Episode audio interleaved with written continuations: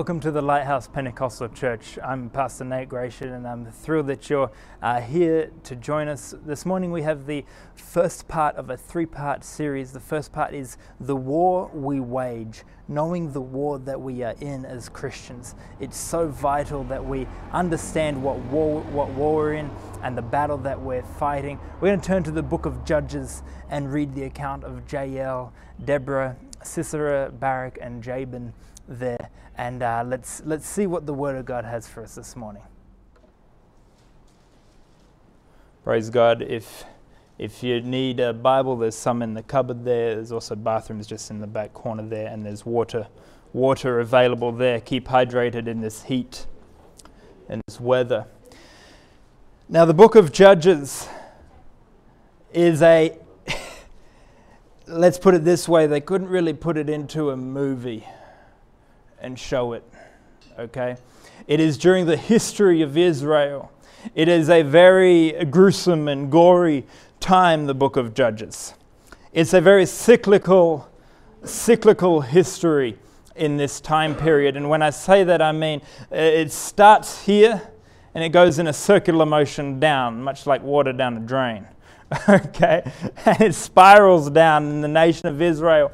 Uh, it's, a, it's a tough time for the nation of Israel.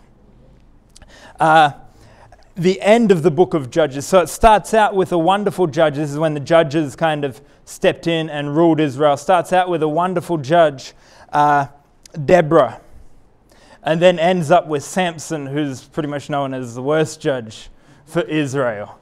Okay, the book of Judges ends with Samson. And the last verse in the book of Judges says this it says, there, uh, there was no king in Israel, and everyone did right in their own eye. So if, you, if, if I think it's right, well, it's right. It doesn't matter what anybody else thinks. And so uh, that's the point that, judge, that Israel ended at the book of Judges, at the end of the book of Judges. Chapter 4, we're reading from verse 16. Uh, chapter 4 starts off saying that uh, Israel turned, basically, Israel turned away from God and, and, um, and turned away from God, and God sent them into captivity. Okay? And currently, that in this, what we're reading, the king Jabin of Canaan, with his captain Sisera, with his captain Sisera of the army of Jabin and the Canaanites, has been laying siege and has been uh, oppressing and, and enslaving the Israelites for 20 years.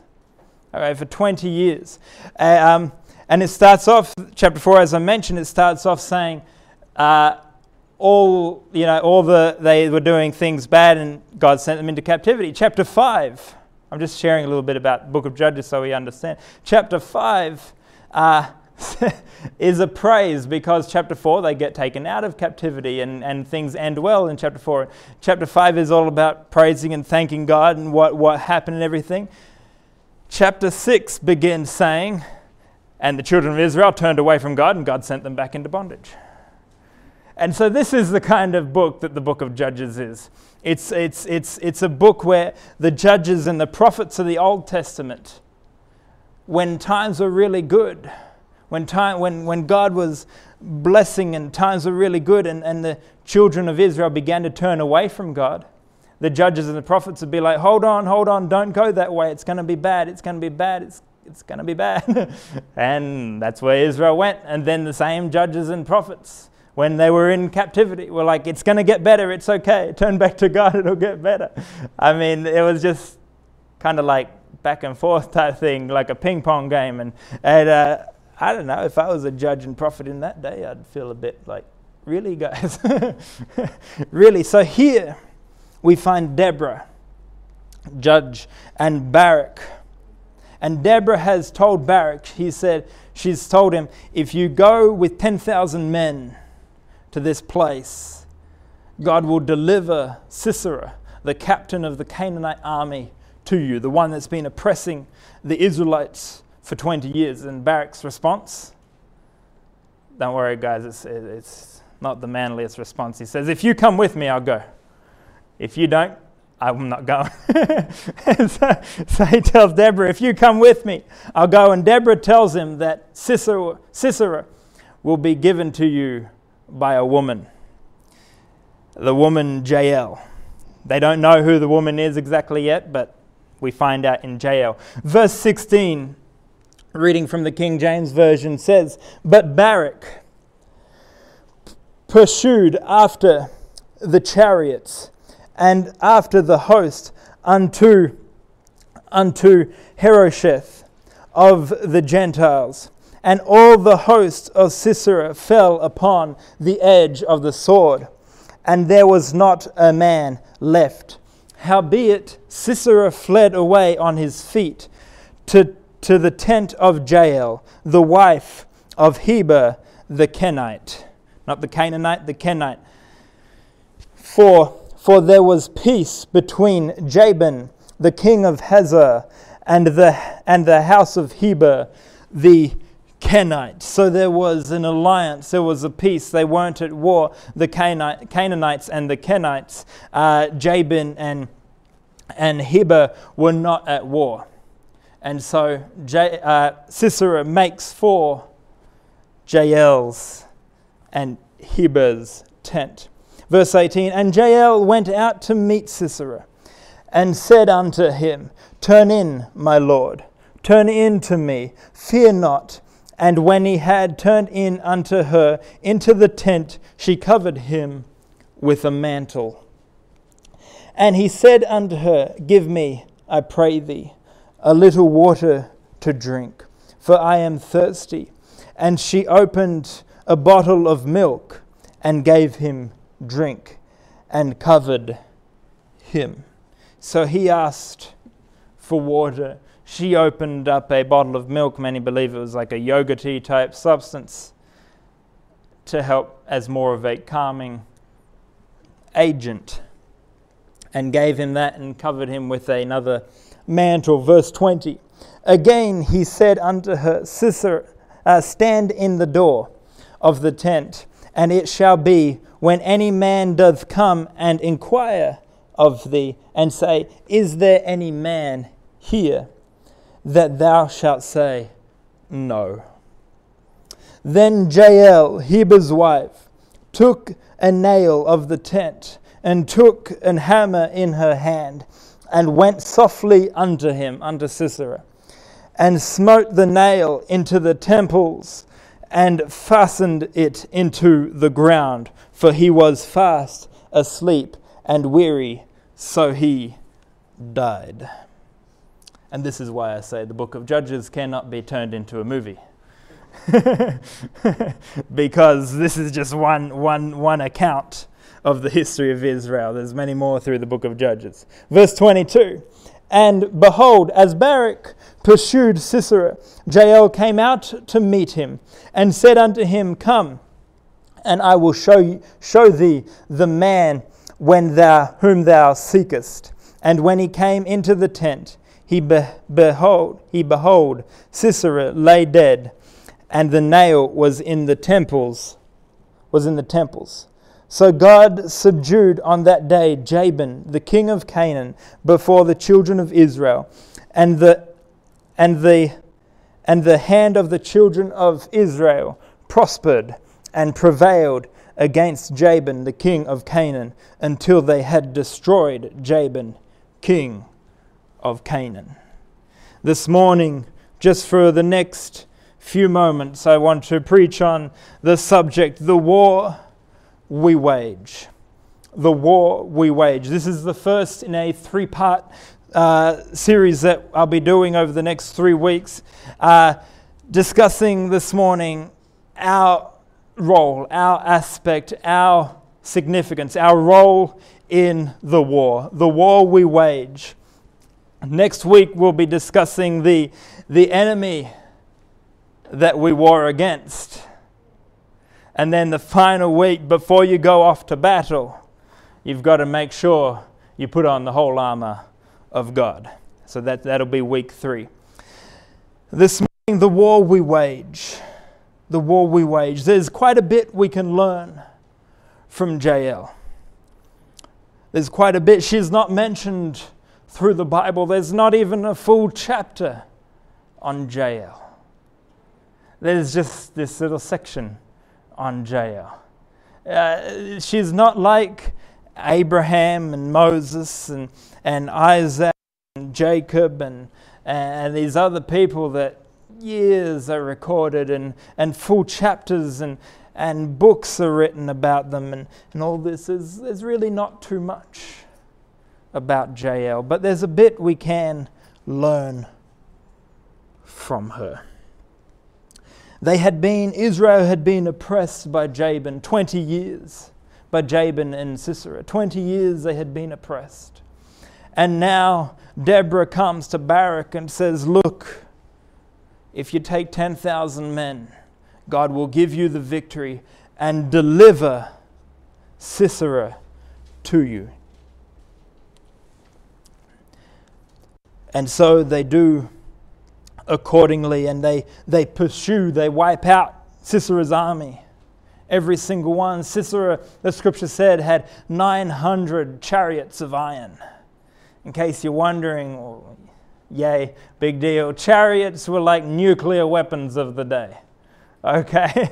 they were the nuclear firepower of the day, the chariots. If you had chariots, that's why the Egyptian nation was so powerful. If you had chariots, you had a mighty army. And they had 900 chariots made from iron. Barak knew what he was up against. He knew he was up against a tough fight. He knew it wouldn't be easy. And he knew Sisera the captain, the general of the army, was the, was the, the, the crux of the battle. You've got to get the captain, get the general. But Deborah said that God would deliver Sisera to him. And so, in the pursuit, Sisera goes to Jael's house, Jael's tent where they're at. And, and he goes in there thinking there's no problem at all. And we don't know what Jael was thinking or, or what was exactly going through her mind at the time. We don't know any of that, but we, we know the outcome, but we don't know when it all started. Was she like, I'm going to kill this guy? We don't know that because Jabin and her husband Heber and, and Sisera and her, and they had an alliance. They had an agreement. They were at peace with each other. They were at peace with each other. And so Jael welcomes welcomes Sisera in. And Sisera makes some requests. He, she puts a mantle on him and then she, he requests her for a drink of water. And then he requests her to stand by the door, and if anybody comes, say, There's no man in here. There's nothing happening here, nothing to see in here, nothing going on. But it's at that second request, it's at that second request that Jael doesn't just go to the tent door. The scripture says, doesn't even say that she went there for a bit, but says that she went, got a nail, got the hammer that they would have put the tent up with and thrust it through, hammered it through Sisera's temples. Jael, we don't know the exact history and everything that was going on, but Jael took advantage of an opportunity given to her all through the Old Testament, we read scripture, we read uh, passages and accounts of, of uh, men and women who wanted to be in a covenant relationship with God.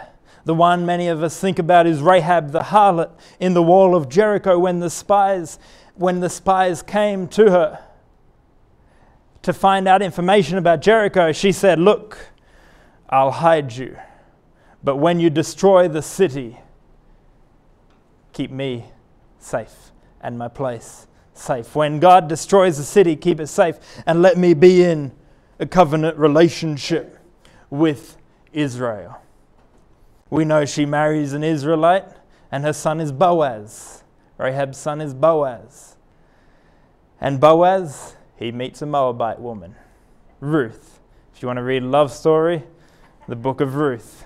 All right, Ruth, not an Israelite, but saw the opportunity. Her mother in law, Naomi, is going back to Judah. So she sees the opportunity and she takes advantage of the opportunity, of the chance to become inside the covenant relationship with the God of Israel of that time. We don't know this for sure. Uh, but uh, you can study it, and, and, and, people do teach this, and, and, and, and people do say this, that, but the scripture doesn't specifically say this is why Jael killed Sisera. But I'm sure Jael, with her, her husband Heber, knew what was going on. If they're friends with Jabin, they know the, what's happening and the conflicts that's going on. And they, they see, and we see as, as Israel goes through the land of Canaan, taking what God has promised them, there's times that nations are like, oh, we've heard about you. we don't want war. there's time. And so is it possible that Jael and Heber are like, well, there's a, there's a God with them that I have to be, that we want to be a part of. And Jael, in an instant, seizes, seizes the opportunity to execute Sisera for the children of God.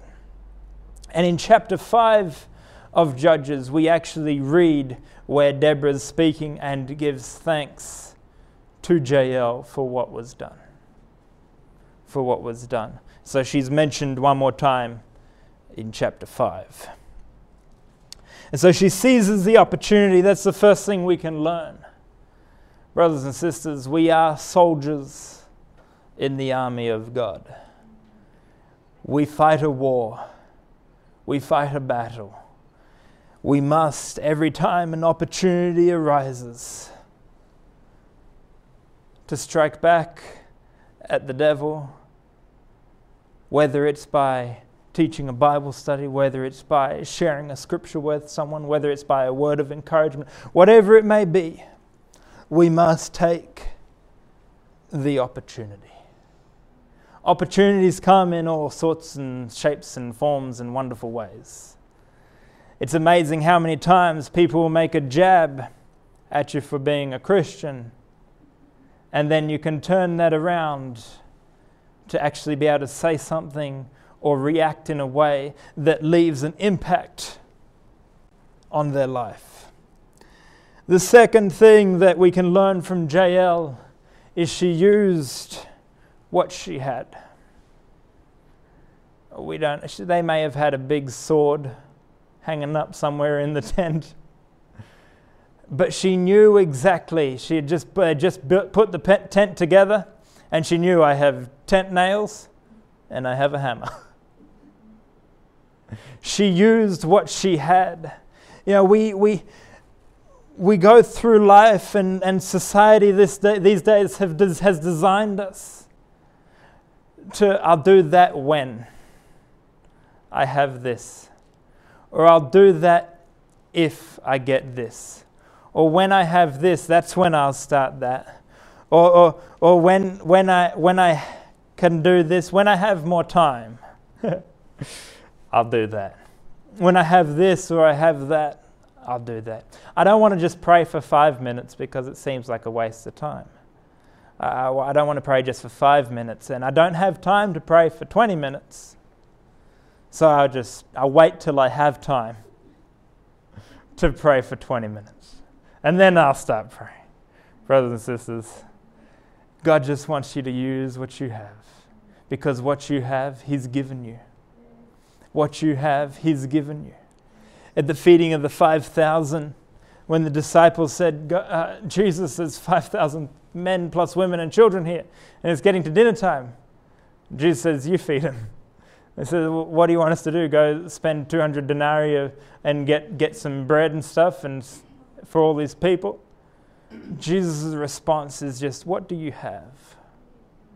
And so we have five loaves and two fish. And he says, That'll work. and so he takes that and he feeds the masses. God just wants to know what you have, and he will use what you have. He gave you what you need to do what you need to do. He gave you everything you need, is right within you. It's right there. Just do what you have. Some people's gifts are gifts of hospitality. Some people have the word of encouragement. Some people have different things. I'm not gifted with music or singing. Hopefully, you didn't hear me earlier. Thankfully, Chelsea is. But God didn't call me to sing or to play music. Now, I'm sure you know I could learn to play music and that, that skill and stuff, but God gives you the talents that you need, and you just use those. You don't need the fancy equipment, you don't need all this and all that to make it happen. Just use what you have. And you know what happens? When you do that, I believe there's a scripture in the Bible. We all know there's a scripture in the Bible that says, when he sees you faithful with a little bit, he'll bless you with more. And then you continue to use what you have and continue to see God work. And so the second lesson brothers and sisters, when we're, when we're in the war field, there's a sign. I went to one church, and across the top of their door, uh, as you exited the church building, the sign said, You are now entering the mission field. Okay? You're now entering the mission field. And when you enter into a, the, the war zone where we're fighting against principalities and against the enemy and forces of darkness that are fighting for people's souls, don't be afraid if God lays a scripture on your heart to share it.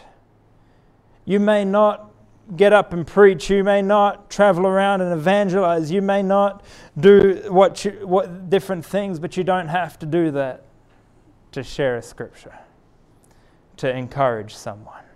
You don't have to do that. As the saying goes, in the world of the blind, the person with one eye is the leader. And I can make that joke because I'm vision impaired. Okay? so, so share what you have with people. The third and the final thing that we learn from Jael is her motivation for doing it. Our motive. And this is why our motive for doing things her motive was not to try and strengthen her relationship and friendship with the Canaanites, otherwise, she wouldn't have killed their captain.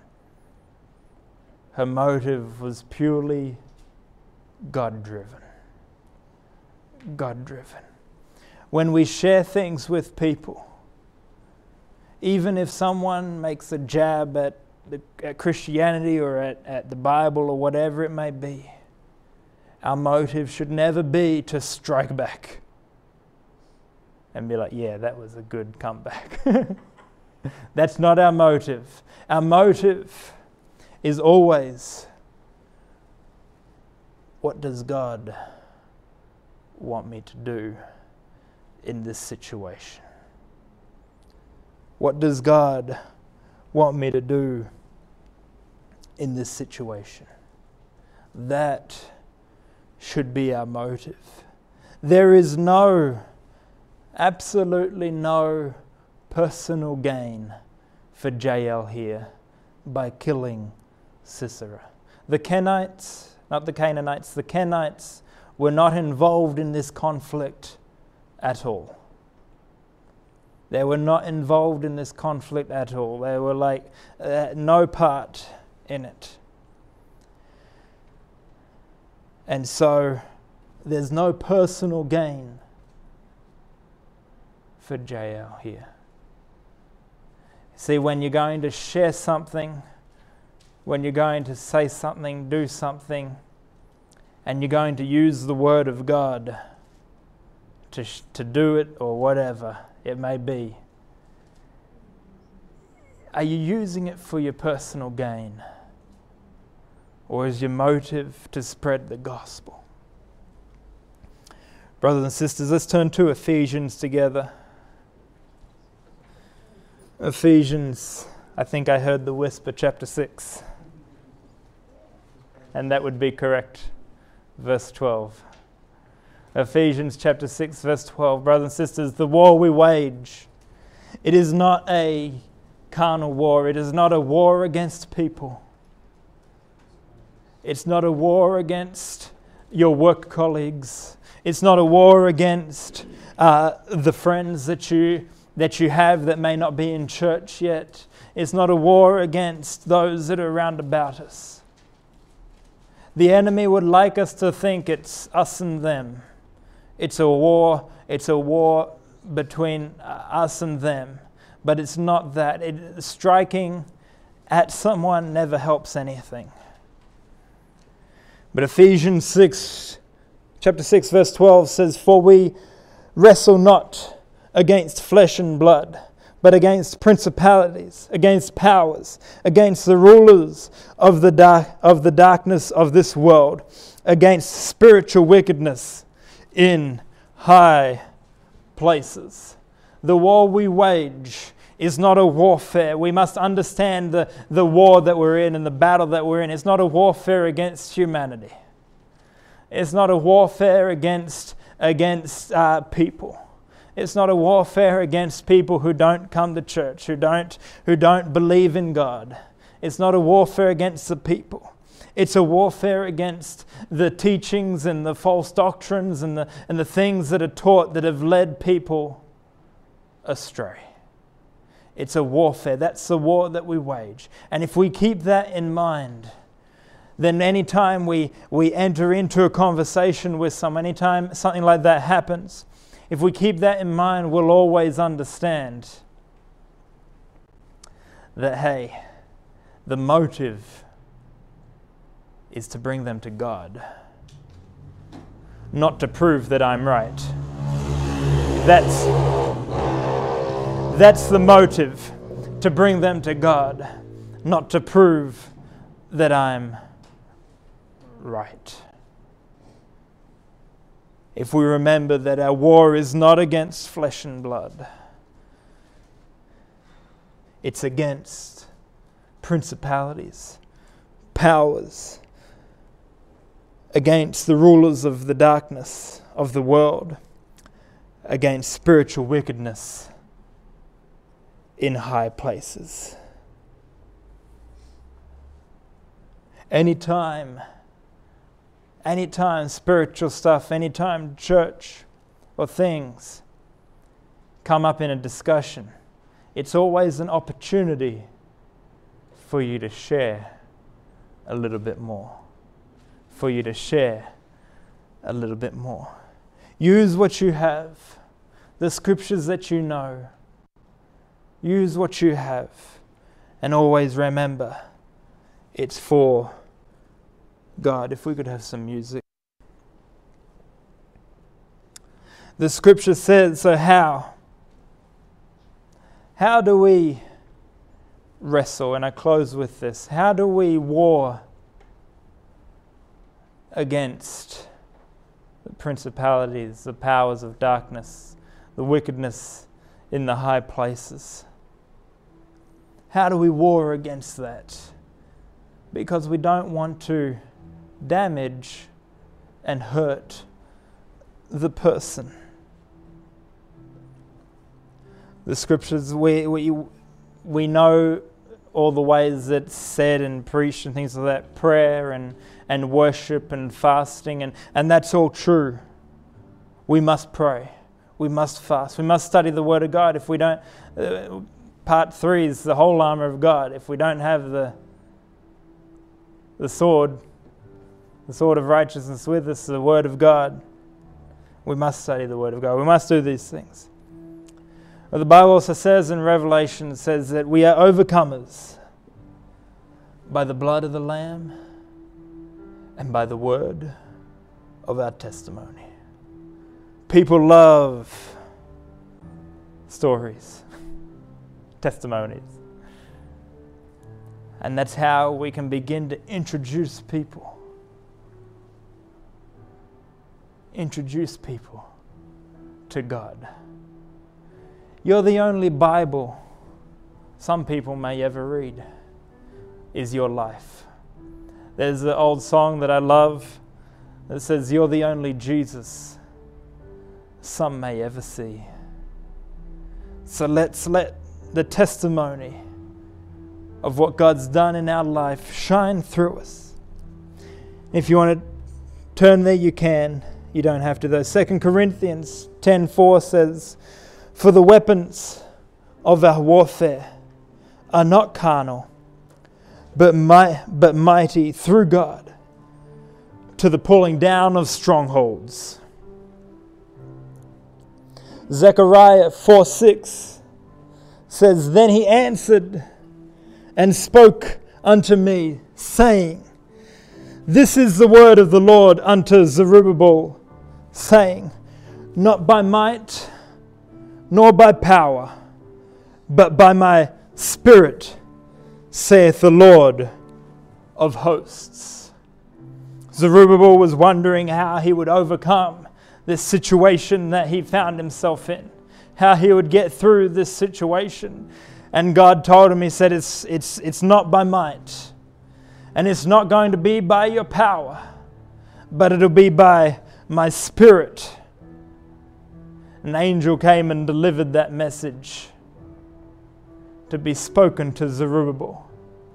Brothers and sisters, we cannot win this war with fancy things. We cannot win this war with strategies and, and, and, and all sorts of stuff and programs and different things. And I believe in all that. I believe strategic planning and, and programs and running, running things to, to help people. I believe in all that. You, you know that. But if we run all that and we do all that by our might and our power without the Spirit of God, it's nothing. It's pointless. It's a social club. It's a little get together. This message, telling Zechariah, pass this message to Zerubbabel. It's not by might, nor by power, but by my spirit, says the Lord of hosts. We can't, we don't wage war in our own strength. We don't wage war by might nor by power in our own through His Spirit. That's how we wage war. Let God lead you, let God direct you. He will give you the scriptures to say, He'll give you the things to do and the passages that'll help you through.